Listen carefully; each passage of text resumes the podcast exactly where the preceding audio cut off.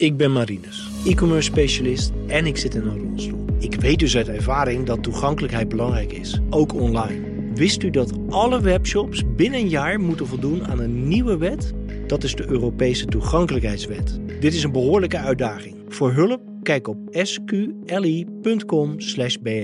Auto-update. Met Nout Broekhoff van uh, Hoe heet het programma ook alweer? benzine, benzinepotje.nl, benzinetankje.com. De Nationale Autoshow dus. Uh, we gaan praten over Tesla. Ja, zware klap op de beurs na tegenvallende Q4-cijfers. Terwijl het de best verkochte auto ter wereld is of zo. Ja, de Model I. Ja, ja heel geweldig nieuws en toch in de mineur. Ze ook heel veel korting voor nodig om dat te behalen. Nee, min 12% op de beurs. Dat wil dus zeggen, als je dat uitrekent... dat er 80 miljard dollar aan eh, beurswaarde is verdampt... in 24 uur tijd. Kun je bijna niet voorstellen. Het brengt ook het totaal aan beurswaarde dat verdampt is in januari... op 210 miljard dollar. Dus ja, dat laat wel zien dat het... eh, aandeel in duikvlucht aan het nemen is. En eh, het laat ook zien dat er toch nog heel veel verwachting in het aandeel Tesla zit. Beleggers zijn gewoon teleurgesteld. De winstmarge is omlaag gegaan vanwege die kortingen die natuurlijk gegeven zijn. En de verwachtingen voor 2024 zijn eh, bijgesteld. Sterker nog, Elon Musk durft niks te zeggen over hoeveel auto's die dit jaar denkt te gaan verkopen. Kwam nog bovenop dat hij allerlei complimenten ging uitdelen aan Chinese autofabrikanten. nou, Heel vriendelijk van hem, ja. die beleggers denken ook, ja, moeten we dan toch maar in BYD gaan zitten in plaats van Tesla? Ja, en die mix aan dit alles maakt het gewoon een aandeel dat eh, flink in de min gaat. En de vraag is ook, waar blijft het nieuwe model van, eh, van Tesla? Heeft hij deze week wel wat over gezegd? Eindelijk. Dat zou dan volgend jaar in productie moeten gaan. Maar als een auto in productie gaat, dan weet je, dan is die nog niet gelijk ook beschikbaar voor de markten wereldwijd. Dus ik verwacht die auto eigenlijk pas in 2026 in Europa.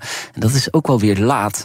Want ook andere fabrikanten, zoals Volkswagen, hebben gezegd: dan komen wij ook met Ja, een ja. betaalbare elektrische Het auto. risico is dat je toch achter de muziek aanloopt. En, Ja. Want hij zegt zelf, dit jaar wordt een transitiejaar, geloof ik. hè? Het is even een tussenjaartje en dan gaan we weer vlammen. Ja, dat zegt hij inderdaad. Ehm, maar kijk, Tesla was altijd een voorloper. En daar, daarom is het een interessant aandeel voor, voor beleggers. Ja. En de vraag is, kan hij dat nog wel behouden als hij zo lang tussen aanhalingstekens wacht met het eh, volgende model?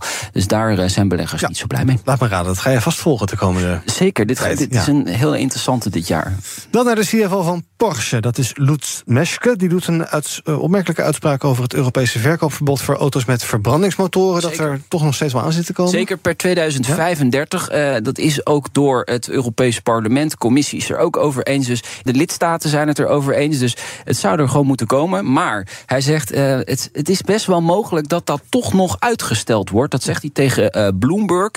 eh, bij de presentatie van de elektrische Macan. Porsche is ook echt wel bezig met eh, de omschakeling naar volledig elektrisch. Maar, zegt hij, er is gewoon veel discussie in Europa over dat verkoopverbod. Er komen Europese verkiezingen aan. Er kan een gigantische ruk naar rechts komen, ook in Europa. Dus dat zit er aan te komen. En het aantal elektrische auto's in Europa ja, groeit gewoon te traag. Eh, momenteel 15% van de verkoop in Europa. De rest is nog allemaal uitgevoerd met een verbrandingsmotor, plug-in hybride diesel. Dus hij zegt: Ik denk dat het mogelijk toch uitgesteld kan worden. Is de wens de vader van gedachten? Wellicht wel bij Porsche, want een verbrandingsmotor in die auto, ja, die ligt er wel lekker in, zullen we maar zeggen. Maar eh, kan het ook? Ja, het kan, want in 2027 is er een evaluatie over eh, deze De maatregelen. voortgang. Ja, zo van waar staan we nou eigenlijk? Ja. En is het überhaupt eh, binnen acht jaar mogelijk om eh, over te schakelen naar volledig elektrisch? Ja. Nou, al die automerken gaan dat gewoon doen. Echt wel. Ook Porsche, hè, de elektrische Macan is ook onthuld gisteren. Maar eh, ja, kunnen wij het allemaal betalen? Daar, dat is natuurlijk de vraag. Ja.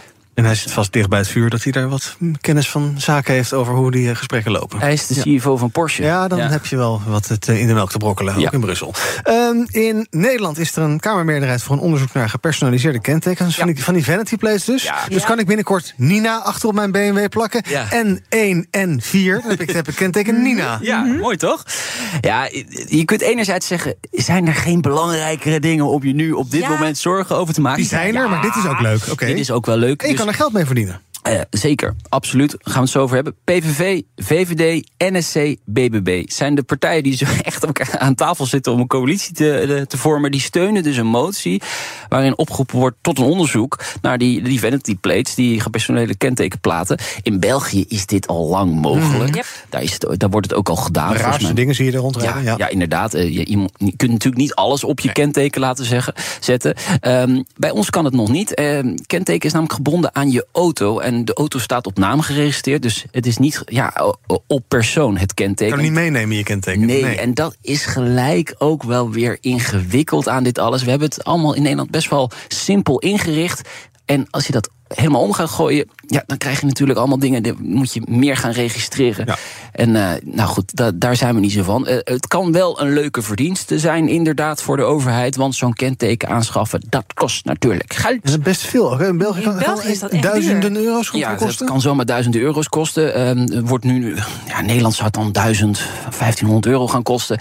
Ja, uh, stel 50.000 mensen doen dat in Nederland. Heb je ja, hè, 50 miljoen. Ja, dat is niks. Dat is natuurlijk het druppel op een gloeiende plaat. Dus daar hoef je het ook niet echt nee. voor te doen. Hoeveel zou je over hebben voor N1 N4, Nina, op je uh, auto? Nou, geen duizend euro.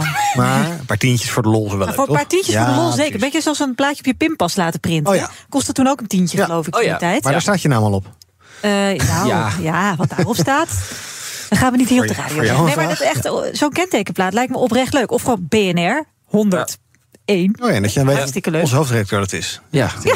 ja. Ja, nee, en dan kunnen we een bedrijfsauto nemen en die blijft gewoon lekker binnen het bedrijf. Die Of zullen we, zullen we Bas met BNR? Nee, dat, dat kan ik toch niet lezen. Die rijdt altijd hard. Dus dat schiet zo Bas snel heeft voorbij. veel te veel auto's. Ja. Dat kan sowieso niet. Oh nee, gaat er een paar verkopen. BNR trouwens, 1, Bas. BNR 2, BNR 3, BNR... Ja, dan moet je even naar de leuk. Petforest luisteren. Nog even een leuk onderzoekje van Interpolis naar het rijgedrag van Formule 1-fans. Zijn het allemaal hufters of juist niet? Het is uitgevoerd door Motivaction. Nou, Formu- Formule 1-fans vertonen een zelfverzekerde, avontuurlijke rijstijl. Allemaal hufters dus. precies. Ze schatten zichzelf significant hoger in Oh, ja. als goede bestuurder dan niet-fans. eh, met eh, indrukwekkende gemiddelde scores van eh, een 8,1 van goede bestuurder, veilige bestuurder, ervaren bestuurder vooral. In vergelijking met niet-fans laten ze hun rijgedrag minder snel beïnvloeden door extreme factoren, zoals het weer. Ja, Max Verstappen is natuurlijk een regenrijder, dus dat zijn wij in Nederlanders natuurlijk ook allemaal. Eh, Formule 1-fans hebben vaker meer dan één keer iets geraakt tijdens een manoeuvre. En eh, zijn vaker achter op een andere auto gereden. Dus eh, helemaal veilig eh, is het Nee, allemaal hebben ze ook allemaal zo'n jasje van Max Verstappen? Ja, Een foeilelijk Wat jasje waar je allemaal eigen mannen in middelbare leeftijd in rond ziet lopen? stel. ehm nou, 8,5. Nou, ik, ik wel een 8,5. ja, ik ook, ja. ja. Ja. En je denkt altijd dat Maar je ik ben geen Max Verstappen fan. Maar ik dus, Nee. wel, ik dus wel een 9,5. Echt waar? Ja. Ja? Ja? Maar jij kijkt ook heel veel Formule 1, hè, volgens mij. Nee, niet. Oh. Daarom juist. Rijdt tenminste een beetje normaal. Vanmiddag in de Nationale Autoshow. En we gaan het onder andere over de, de elektrische Porsche Macan hebben. Ehm, een bijzondere eh, vondst deze week in een Brussels pakhuis. Daar zijn 22 eh, zeer exclusieve auto's gevonden. Oh. Daar gaan we het over hebben. En we hebben de topvrouw van de ASEA. Dat is eh, de overkoepelende organisatie van autofabrikanten in Europa. En nou, kunnen we gelijk even mooi dat verhaal van de, de Porsche CFO eh, voorleggen. Dan gaan we het natuurlijk ook even hebben over de Chinese automerken in Europa. Hoe, hoe doen ze het eigenlijk? En over de, de kortingen die worden gegeven. Moeten Europese fabrikanten daarin mee of niet? Om drie uur, hè? Ja, om drie uur. Dus nog zes uur. Heb je om af te stemmen? Nou, gewoon aan laten staan je radio. Dan komt het vanzelf de voorbij. hele dag op BNR laten staan. Nou, Broekhoff, dankjewel. Nationale Autoshow, drie uur vanmiddag. Mocht je dat niet redden vanwege vrijdagmiddagborrels of andere verplichtingen... dan kan je het vanavond of vanmiddag of morgen in het weekend... lekker terugluisteren in de BNR-app als podcast. Ideaal. Ik ben Marinus, e-commerce specialist en ik zit in een rolstoel. Ik weet dus uit ervaring dat toegankelijkheid belangrijk is, ook online. Wist u dat alle webshops binnen een jaar moeten voldoen aan een nieuwe wet? Dat is de Europese toegankelijkheidswet. Dit is een behoorlijke uitdaging. Voor hulp, kijk op sqli.com/bnr.